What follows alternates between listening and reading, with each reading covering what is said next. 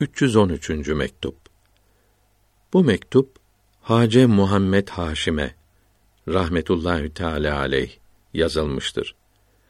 Eshab-ı kiramın üstünlüklerinin nasıl olduğunu ve tarikat-ı Aliye-i Nakşibendiye'de riyazet çekilmesi olmadığını ve bu yolun niçin Hazreti Ebu Bekre bağlı olduğunu ve bir peygamberin vilayetindeki saliki başka bir peygamberin vilayetine geçirmeyi ve gömleğin önü açık olmalı mı yoksa olmamalı mı ve kelime-i tevhid ve zikri ve birkaç edebi bildirmektedir. Bu mektup mektubatın birinci cildinin son mektubu olmaktadır. Hepsi rasuller adedince ve Bedr gazvesindeki mücahitler adedince 313 olmaktadır. Bu mektubun sonuna büyük oğlunun birkaç mektubunun da eklenmesine emir buyurdular. Böylece dua ve Fatiha okunmasını dilediler. Allahü Teala'ya hamdolsun. Onun çok sevdiği peygamberine salat ve selam olsun. Din ve dünya saadetinize dua ederim. Kardeşim Muhammed Haşim rahmetullahi teala aleyh Mir Seyyid Muhibbullah'ın mektubunda da bildirdiğiniz sorulara bildiğim kadar cevap yazarak gönderiyorum. Sual 1. Allahü Teala'ya yaklaşmak için fenafillah ve bekabillah ve cezbe ile sülük makamlarının hepsini geçmek lazımdır. Eshab-ı kiram Rıdvanullahü Teala aleyhi ecmaîn mahlukların en iyisinin aleyhi ve aleyhimüsselavat ve teslimat sohbetinde bir kere bulunmakla bütün ümmetin evliyasından daha üstün oldular. Acaba bütün bu seyir ve sülük ve fena ve beka bunlarda bir sohbette mi hasıl oldu? Yoksa bu bir sohbet seyir ve sülûkun ve fena ve bekanın hepsinden daha mı üstündü? Eshab-ı kiramın Rıdvanullahi Teala aleyhim ecmaîn fena ve bekaları o Hazretin aleyhi ve ala aleyhisselatu vesselam teveccühü ve tasarrufu ile miydi? Yoksa yalnız Müslüman olmakla mıydı? Bunlar sülük ve cezbe hallerini ve makamlarını biliyorlar mıydı? Yoksa bilmiyorlar mıydı? Eğer biliyorlar idiyse bu hallere ve makamlara ne isim vermişlerdir? Eğer onlarda sülük ve cezbe yolları yoktu denirse bu tarikatlerin bid'at-ı hasene olmaları lazım gelmez mi? Cevap 1. Bu güç sorularınızı cevaplandırmak yazmakla olmaz. Bir arada bulunmak, uzun zaman hizmet etmek lazımdır. Bu kadar zaman içinde kimsenin söylemediği şeyleri bir defada söylemek ve bir kalemde yazmak kolay olur mu sanıyorsunuz? Fakat sorduğunuz için cevapsız bırakmak da olamaz. Elimden geldiği kadar bunu çözmeye çalışacağım. İyi dinleyiniz. Fena ve beka ve sülük ve cezbe ile olan yaklaşmaya kurbi vilayet denir. Bu ümmetin evliyası bu yaklaşmakla şereflenmişlerdir. Eshab-ı kiramın Hayrül Enam'ın sohbetinde aleyhi ve aleyhimüsselatu vesselam kavuştukları yakinlik ise kurbi nübüvvettir. Resulullah'a uyarak ve ona varis olarak kavuşmuşlardır. Böyle yaklaşmakta ne fena vardır ne beka ve ne cezbe vardır ne de sülük.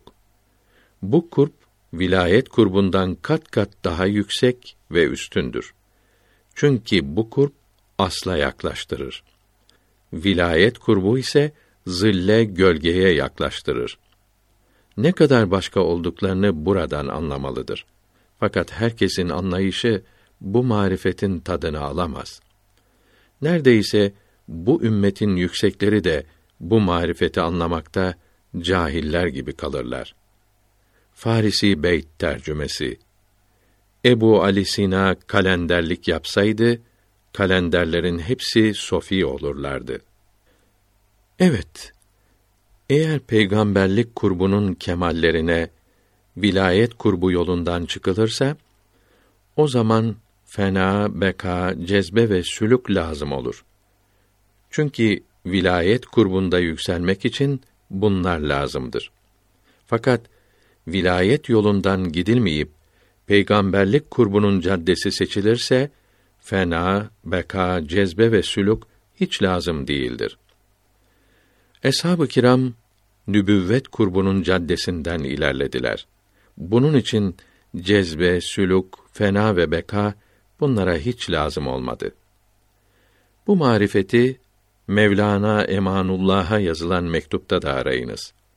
Bu fakir mektuplarımda ve kitaplarımda halimin sülük ve cezbenin ötesinde ve tecellilerin, zuhurların ötesinde olduğunu yazmıştım. O yazılarımda işte bu nübüvvet kurbunu bildirmiştim. Hacem Hazretlerinin hizmetlerindeyken bu devlet hasıl olmuştu.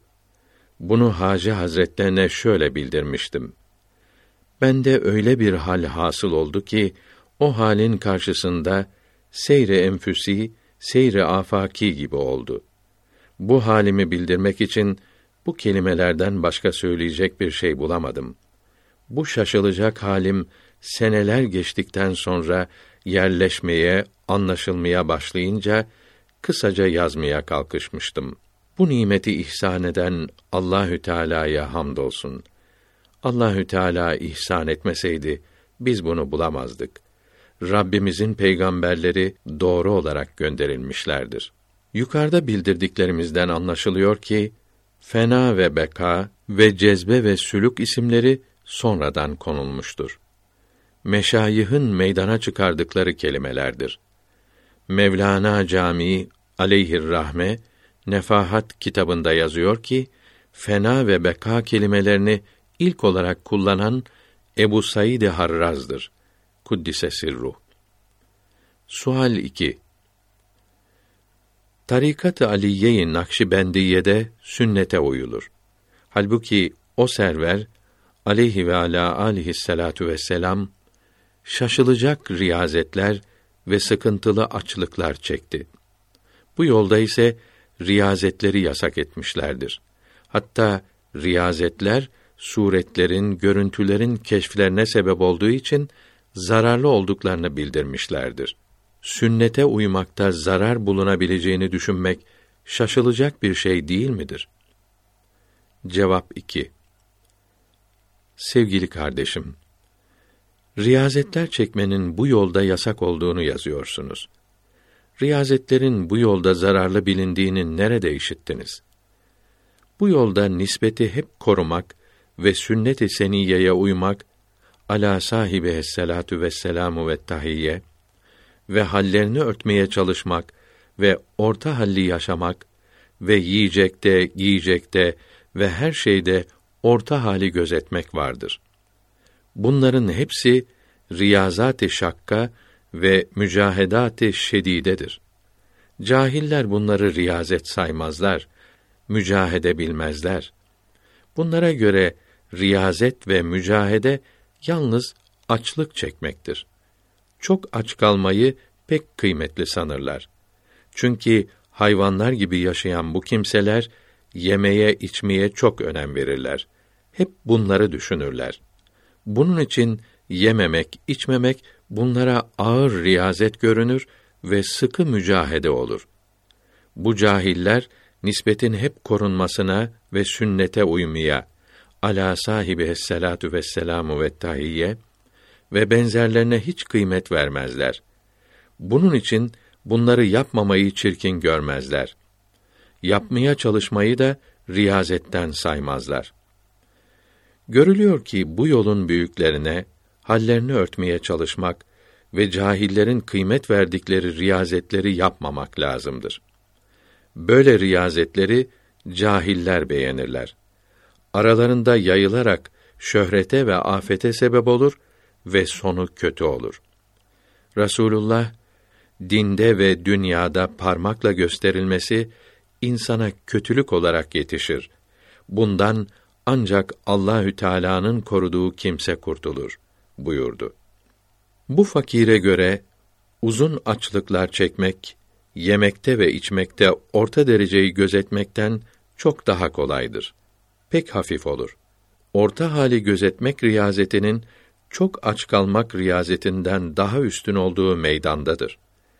Yüksek babam kuddisesi ruh buyurdu ki, sülûkü anlatan bir kitapta görmüştüm. Maksada kavuşmak için yemekte içmekte orta dereceyi gözetmek yetişir. Bunu gözetince ayrıca zikr ve fikr lazım olmaz. Sözün doğrusu da budur. Yiyecekte, giyecekte ve her işte orta dereceyi gözetmek çok iyidir. Farisi Beyt tercümesi Ağzından taşacak kadar çok yeme. Açlıktan ölecek kadar az yeme. Hak Teâlâ peygamberimize aleyhi ve ala aleyhissalatu vesselam 40 erkek kuvveti ihsan eylemiştir. Bu kuvvetiyle ağır açlıklara dayanırdı. Eshab-ı kiram da insanların en iyisinin sohbeti yardımıyla aleyhi ve ala aleyhissalatu vesselam ve tahiyye bu yüke katlanırlardı. Bu yüzden işlerinde ve çalışmalarında hiçbir bozukluk ve gevşeklik olmazdı. Açken muharebede düşmana öyle güçlü saldırdılar ki tok olanlar bunun onda birini yapamazlardı. Bunun içindir ki sabreden yirmi kişi iki yüz kâfire galip gelirdi. Yüz kişi de bin kişiye galebe çalardı.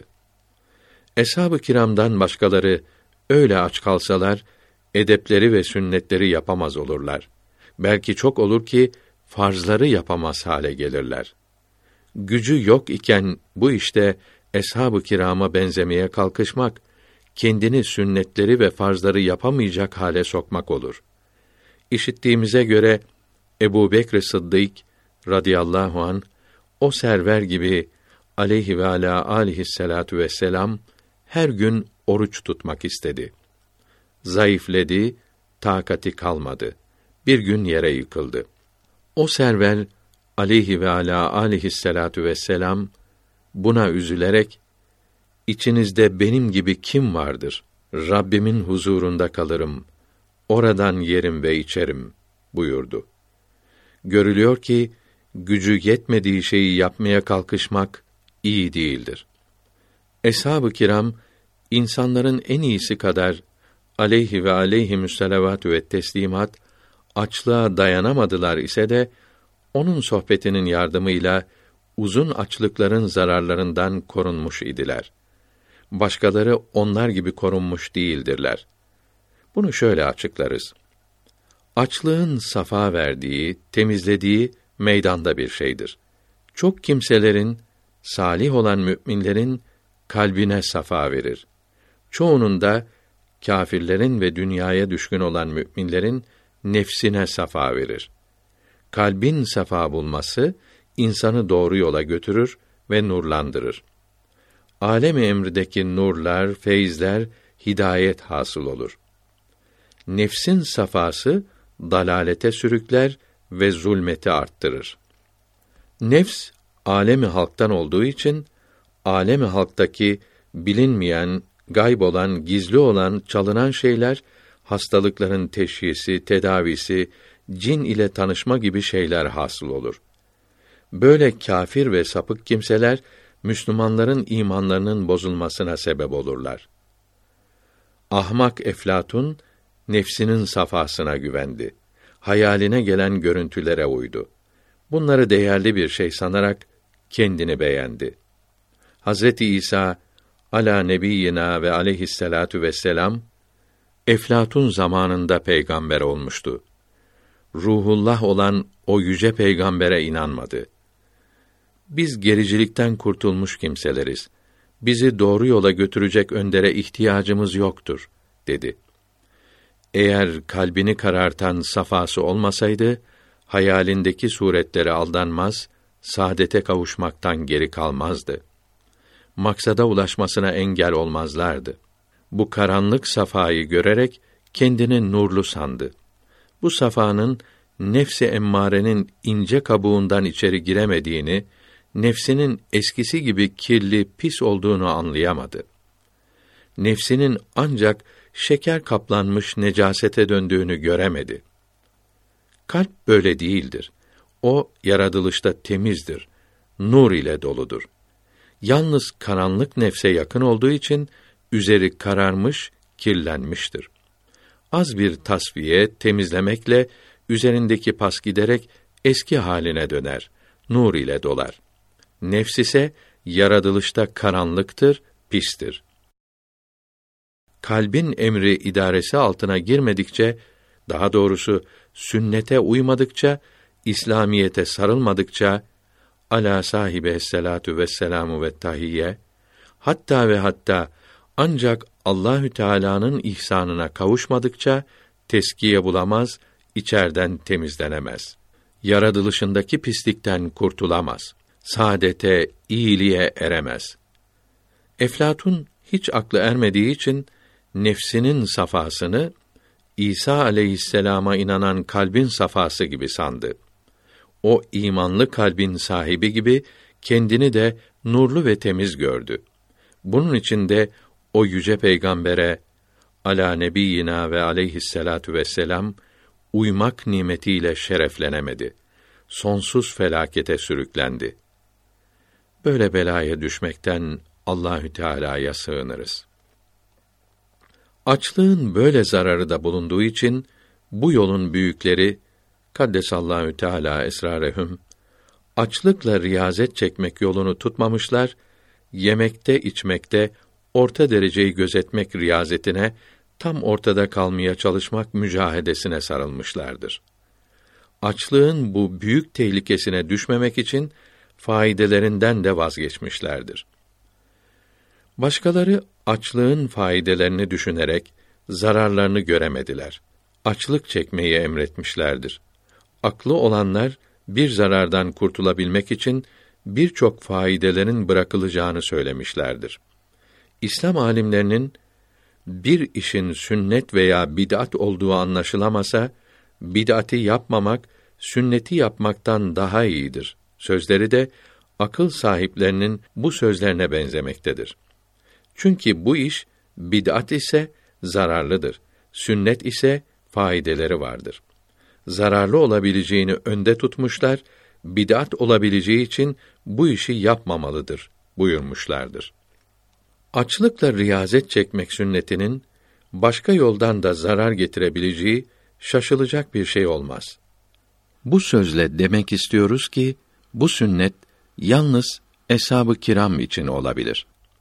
O zaman için olması çok ince ve örtülü bildirilmiş olduğu için tasavvufçuların çoğu bunu anlayamamış, kendileri de böyle riyazet yapmışlardır.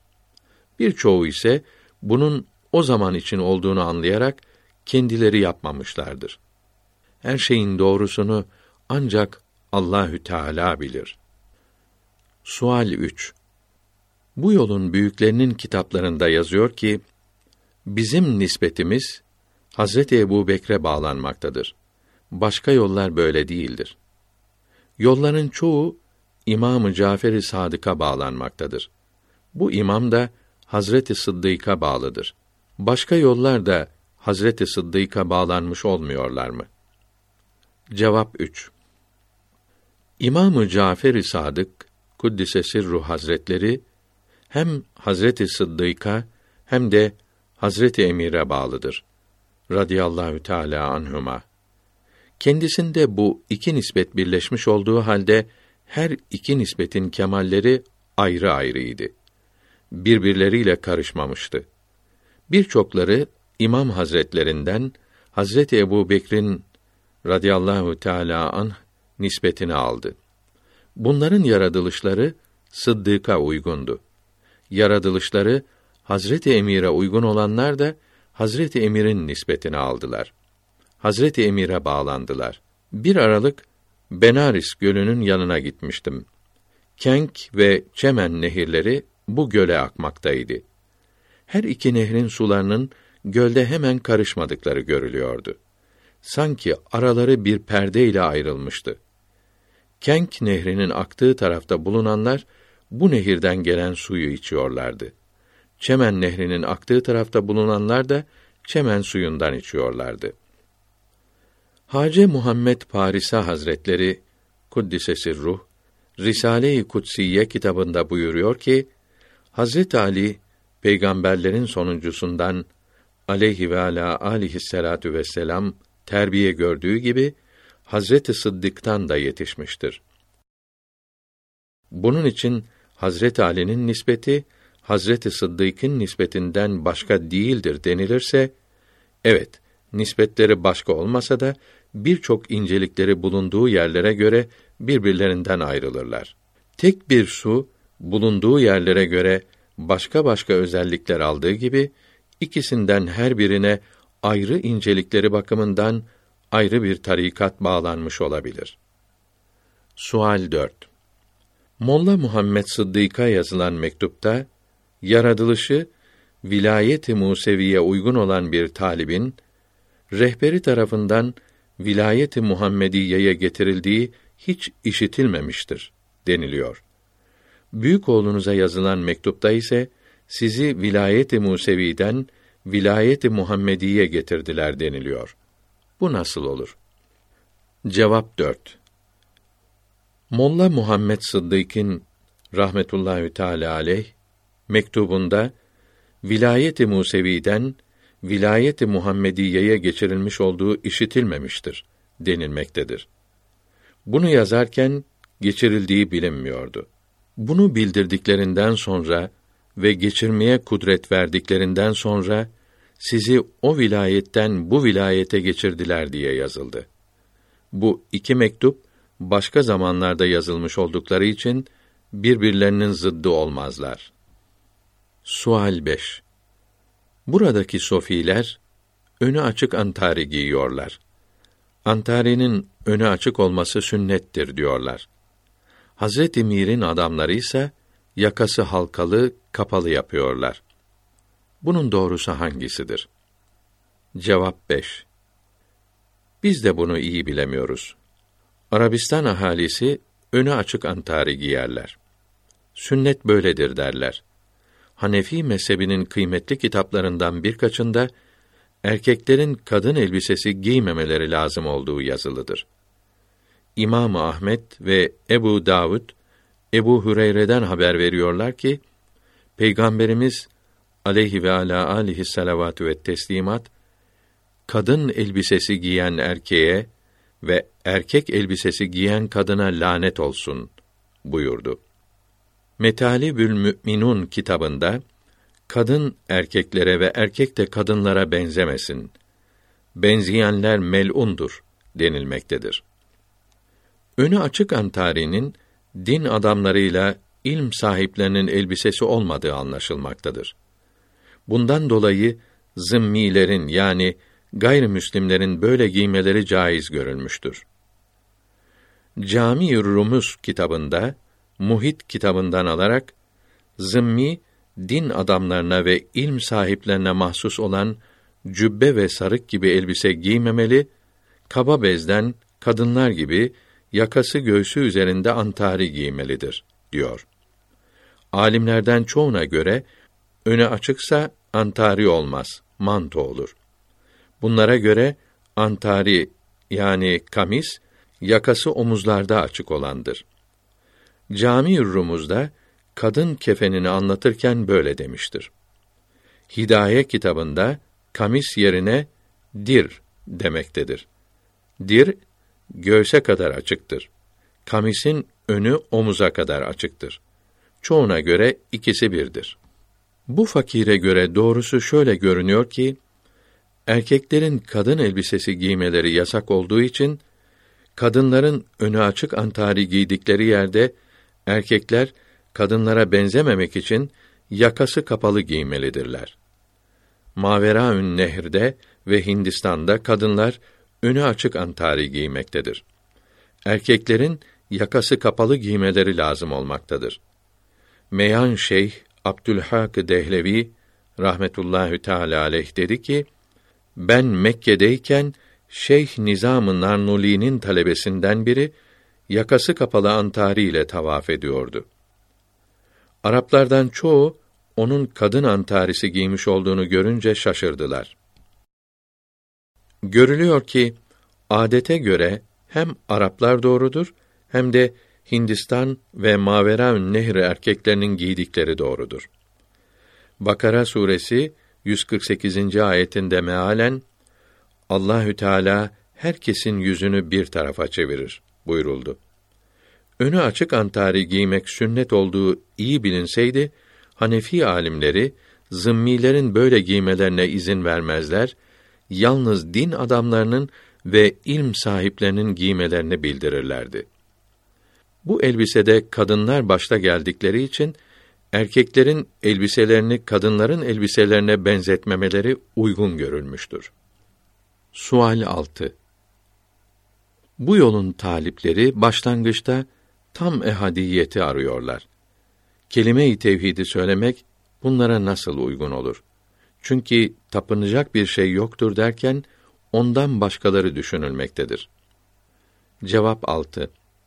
Ondan başkalarının düşünülmesi ehadiyete bağlanmayı düzeltmek ve terbiye etmek içindir. Başkalarına tapılamayacağını söylemek ona bağlı kalabilmek içindir. Yok etmek için başkalarını düşünmek bir varlığa bağlanmaya uygunsuz olmaz.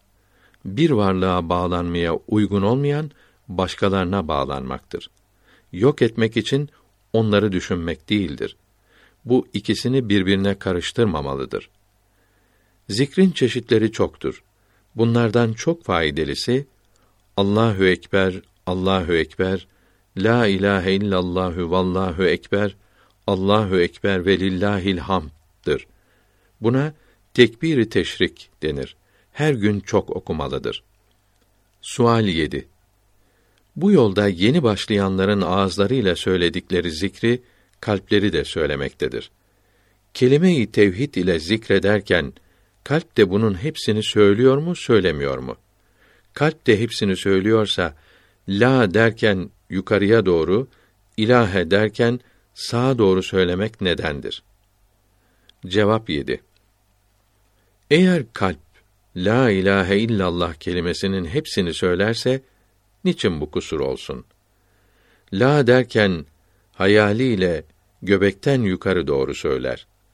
İlah ederken yukarıdan göğsün sağına doğru. İllallah derken sağdan kendine yani kalbe doğru söyler. Yahut bu kelimeleri bu üç tarafa doğru hayaliyle götürür. Ağzıyla bir şey söylemez. Böylece kalbin ağızla birlikte olması şartı ortadan kalkar. Sizin bu son iki sualiniz Fahrettin Razi'nin şüphelerine benzemektedir. İyi düşünseydiniz sormanıza hacet kalmazdı. Ek. Son olarak şunu da bildirelim ki oradaki kardeşlerimiz arka arkaya yazarak Mir Muhammed Numan rahmetullahi teala aleyh hazretlerinin bugünlerde talebeyle az çalıştığını, ev yaptırmakla uğraştığını, eline geçenleri ev yapmaya harcettiğini, talebenin kendisinden faydelenemediğini bildiriyorlar. Bunları öyle yazmışlar ki beğenmedikleri, istemedikleri anlaşılmaktadır. İyi biliniz ki bu yola bağlı olanları beğenmemek öldürücü zehirdir. Bu büyüklerin sözlerine, işlerine karşı gelmek insanı sonsuz felakete götürür. Uçuruma sürükler. Hele kendi rehberini beğenmez, ona karşı gelirse, üstadını incitirse neye varacağını düşünmelidir. Bu büyüklere inanmayanlar bunların bereketlerine kavuşamaz. Bunlara karşı gelenler her zaman ziyan eder, aldanır. Rehberin rahmetullahi teala aleyh her işi, her sözü iyi ve güzel görünmedikçe onun yüksekliklerinden hiçbirine kavuşamaz. Eline bir şeyler geçerse istidrac olup sonu yıkım ve çöküntü olur. Üstadına aşırı sevgisi ve bağlılığı olmakla beraber içinde ona karşı kıl kadar bir beğenmemek bulunursa bunu kendi için felaket, yıkım bilmelidir. Onun üstünlüklerinden hiçbirine kavuşamayacağını anlamalıdır. Rehberin işlerinden birini beğenmezse ve bundan kendini kurtaramazsa karşı gelmiş olmayacak bir yol ile kendisinden bunu sormalı, inanmamış görünmemelidir. Bu zamanda doğru ile yanlış, iyi ile kötü birbirleriyle karışıktır. Rehberin ara sıra İslamiyete uymayan bir şey yaptığını görürse kendisi bunu yapmamalı, iyi gözle bakarak İslamiyete uygun görmeye çalışmalı, iyi tarafını aramalıdır. İyi ve uygun yerini bulamazsa bu beladan kurtulmak için Allahü Teala'ya yalvarmalıdır. Üstadının bundan kurtulması için ağlayarak dua etmelidir.